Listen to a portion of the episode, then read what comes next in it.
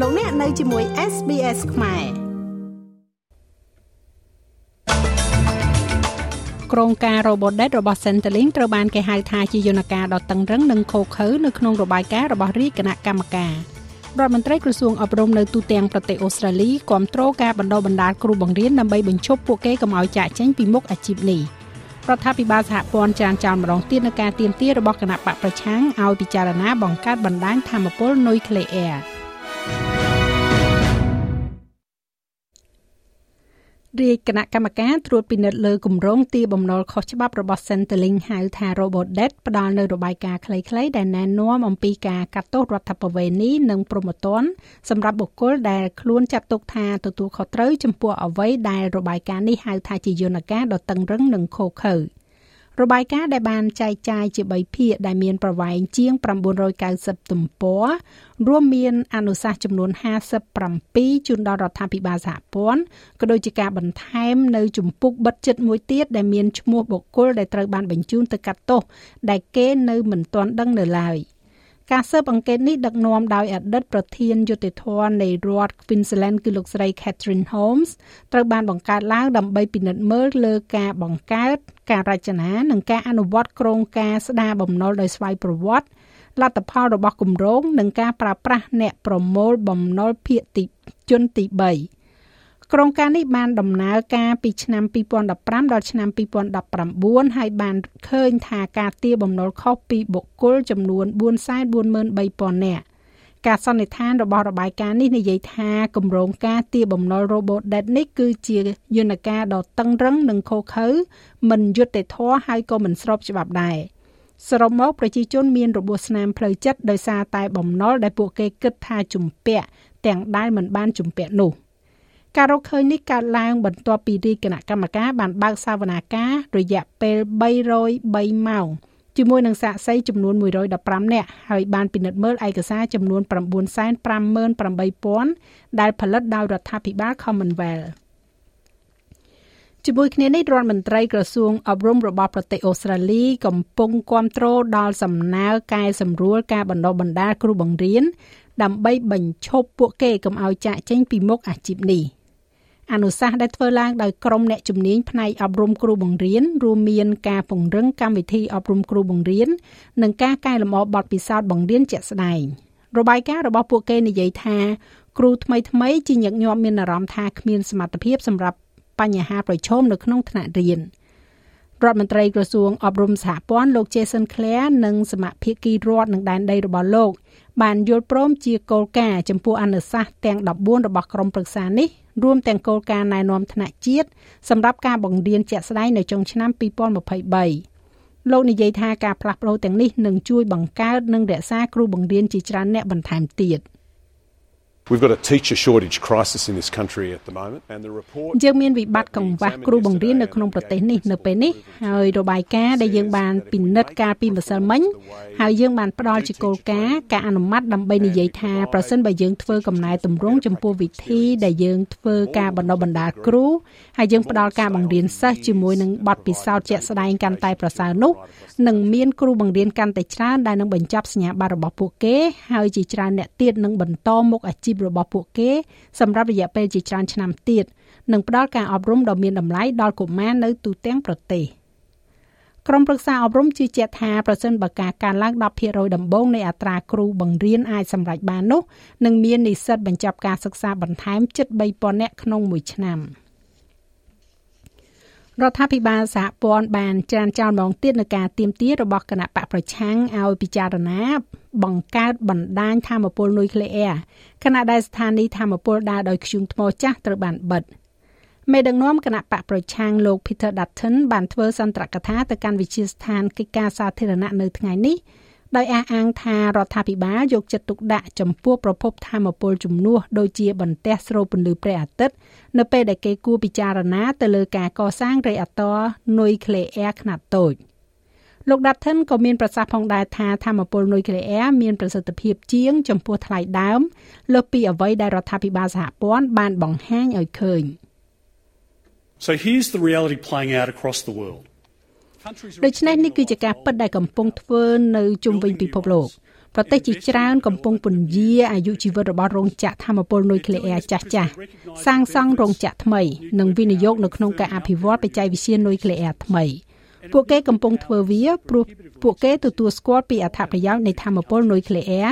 នៅក្នុងការពង្រឹងប្រព័ន្ធធម្មពលកកើតឡើងវិញរបស់ពួកគេ ហើយប្រសិនបើធម្មពលនុយក្លេអ៊ែរមានតម្លៃថ្លៃខ្លាំងហេតុអ្វីបានជាប្រទេសជាង50វិនិយោគទៅលើវារួមទាំងប្រទេសដែលមានសេដ្ឋកិច្ចតូចជាងអូស្ត្រាលីផងនោះ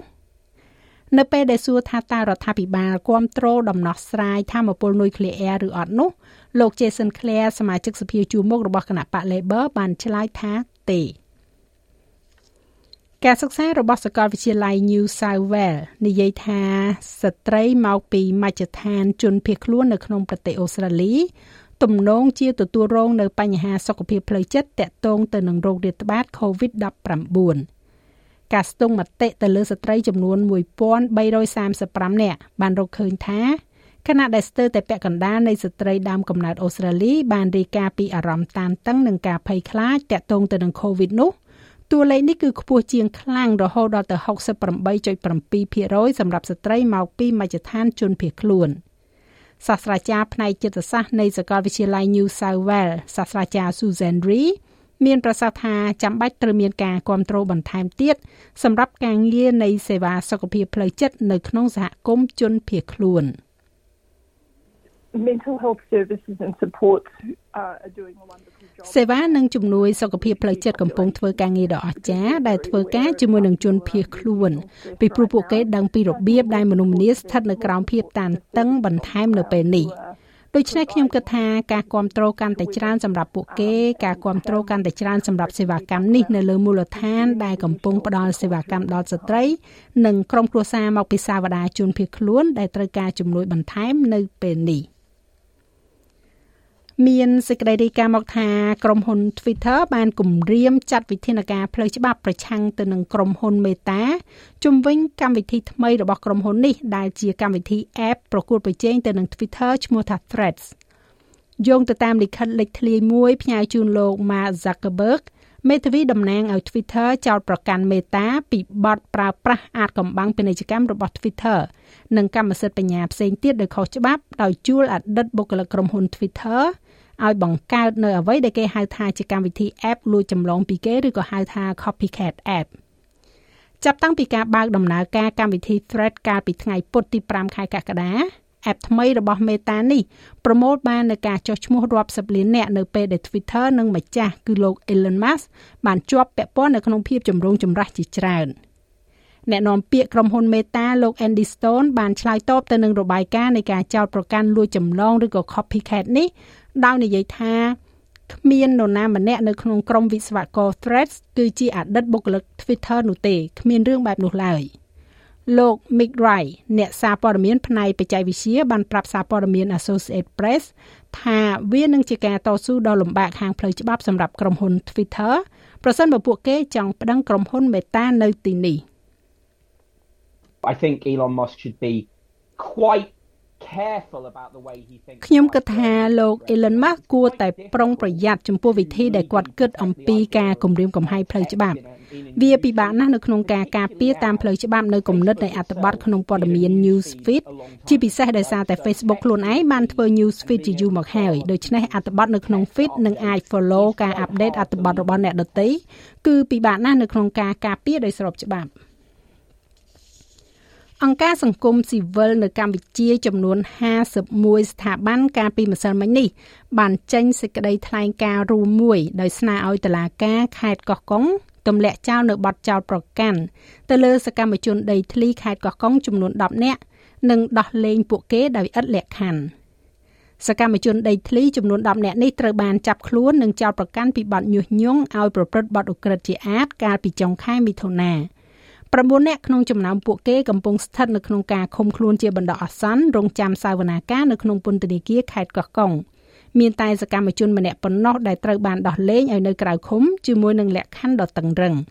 ហើយប្រសិនបើត្រូវបានផ្ដន្ទាទោសមែននោះសកម្មជនដីធ្លីម្នាក់ម្នាក់នឹងប្រឈមមុខនឹងការជាប់ពន្ធនាគាររហូតដល់ទៅ2ឆ្នាំ និងពិន័យជាប្រាក់រហូតដល់ទៅ4លានរៀល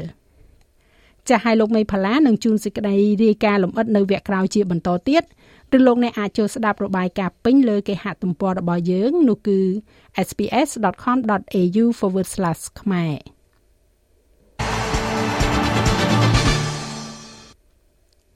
អញ្ញាធរកំពុងធ្វើការស៊ើបអង្កេតទៅលើការលេចធ្លាយរូបភាពជាក់ស្ដែងដោយគ្មានការលាក់លៀមរបស់កីឡាករ AFL នាពេលបច្ចុប្បន្ននិងអតីតកីឡាករនៅលើបណ្ដាញអ៊ីនធឺណិត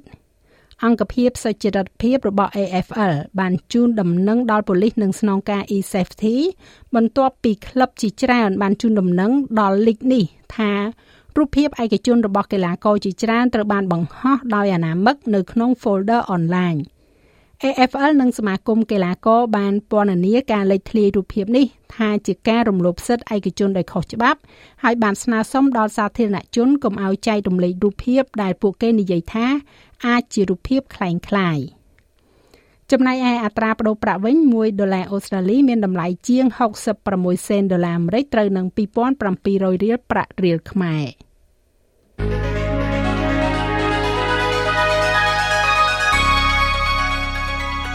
ចាយើងក៏លេខមកមើលការព្យាករណ៍អាកាសធាតុសម្រាប់ថ្ងៃសៅរ៍ស្អែកនេះវិញទីក្រុងផឺតរលឹម18អង្សាអាដាលេដរលឹមហើយតិចទៅតិចទៅ តែមានខ្យល់15អង្សាមែលប៊នរលឹមហើយក៏នឹងមានខ្យល់14អង្សាហូបាតរលឹម14អង្សារលឹមដូចគ្នានៅខេនបារ៉ា9អង្សា នៅស៊ីដនីមានខ្យល់ប៉ុន្តែបើកថ្ងៃ19អង្សា បើកថ្ងៃផងដែរនៅ Brisbane 21អង្សា ទីក្រុង Cairns មានពពកដោយពេល27អង្សា Darwin បើកថ្ងៃ34អង្សា និងនៅទីក្រុងភ្នំពេញ មានផ្គររន្ទះរាយប៉ាយ33អង្សា